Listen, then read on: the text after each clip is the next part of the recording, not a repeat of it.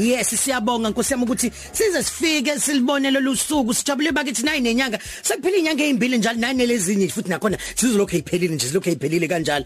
Brian ngesonto ethi zothi siloke siholile siloke siholile hayi oh sitholile le mali. sithola kunzima njalo.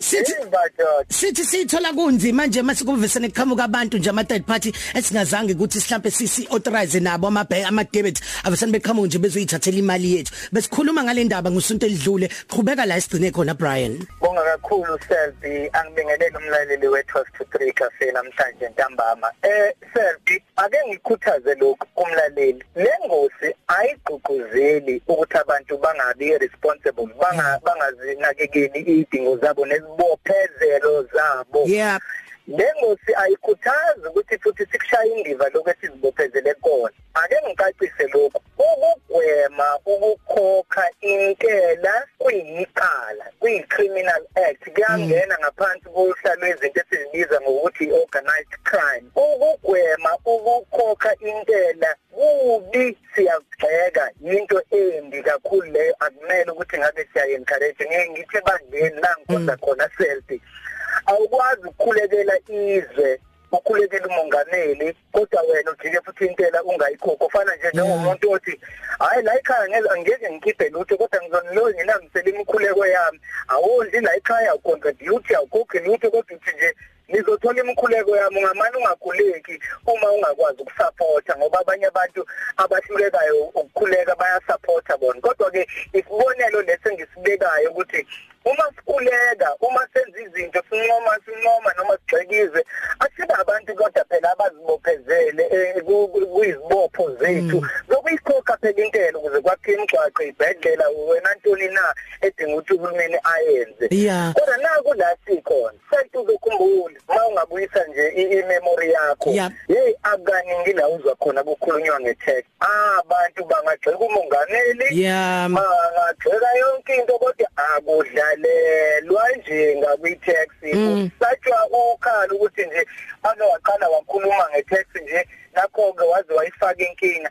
Asikungabe futhi lokho kwaliwa eSelbe eh, abantu balahlekelwa imphefumulo yabo ukuthi abantu babe nako ukuthi bakhulume ngokukhululekile bangasabi futhi. Yebo kuye bakhona ukuthi ke mawukhuluma ngentela ubuhlalandelwa uthekwe kodwa ke phela nobo eh, sesibuyisela ekhathini zencindezelo ukuthi ke akungakhulumi iqiniso selbe malikhulunywa iqiniso. Ukuthi likhulunywa kuphi kanjani akube iqiniso. Yini ongayiqaphela engenza ukuthi eh uSARS njenge institution akwazi ukuvela ngene ebanki lakho esilibiza nge-third party mm. athathe imali ngaphandle kwesivumo sakho.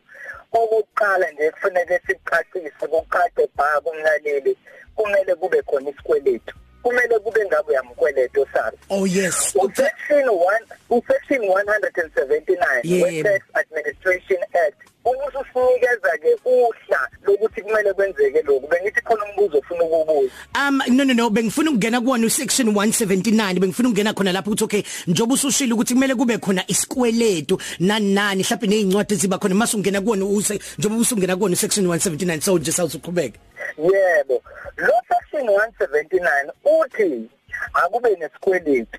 Emveni kwesikweletu akube ukuthi isikhathi obubekelwe sona ukuthi usikhokhe lesi sikweletu sesidlulile lokho esibizwa nge-expiry or expiry date.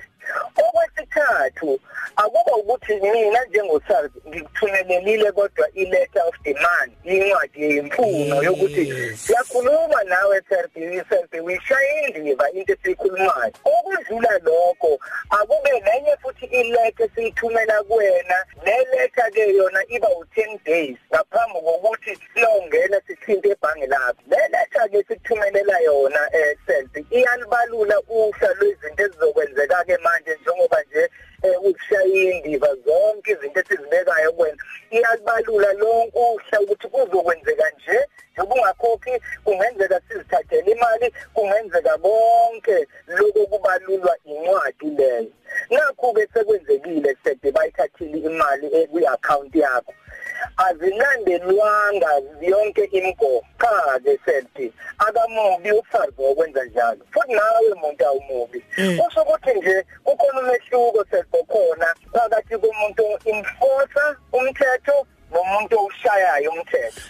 uSarzi kule ndaba akawenza umthetho uyawu enforcer kusikhathi umuntu uyabe passionate ahluleke njengephoyisa yazi iphoyisa igcina seliqhasuka lisikaza ngempama yeah. Liqhasulwa ukuthi sekhohliwe ukuthi li enforcer not lawmaker. Yeah. ngoba ukushaya umuntu ngempama nokudlula emthethweni Kuyicala.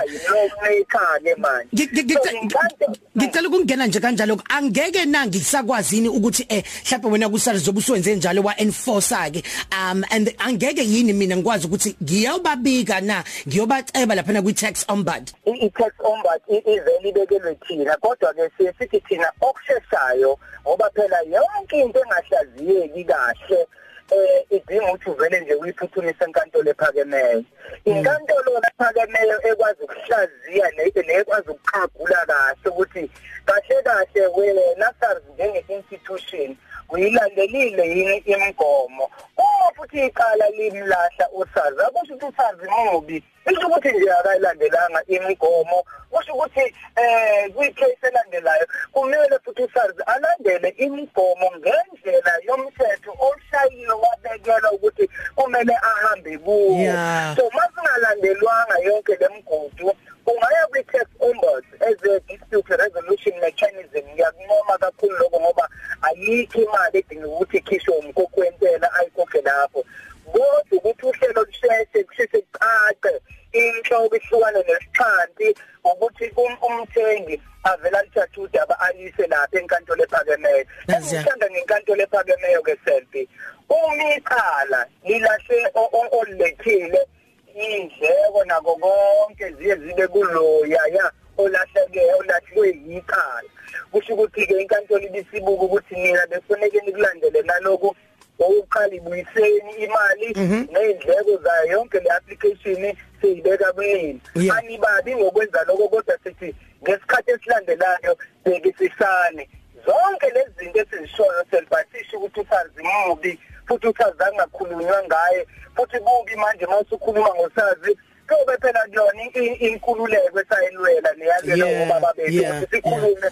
Kodwa ukugxeka ngokungo- okungakhi yiwo kusibuyisele emuva Nazi. Asi- asikunakekele ukuthi sisubmit ama-tax returns sidekisise kodwa futhi nosazi ngiyakuphinda lokhu mlaleli uma eyiviolethile imigomo ebekiwe ishaya mthetho naye kumele ayise kwi-review eba inkantolo ephakeme. Uma ihlula lokhu ungadlulisa kwi-supreme court ungayidlulisa even uzuyise ngisho kwi-constitutional court.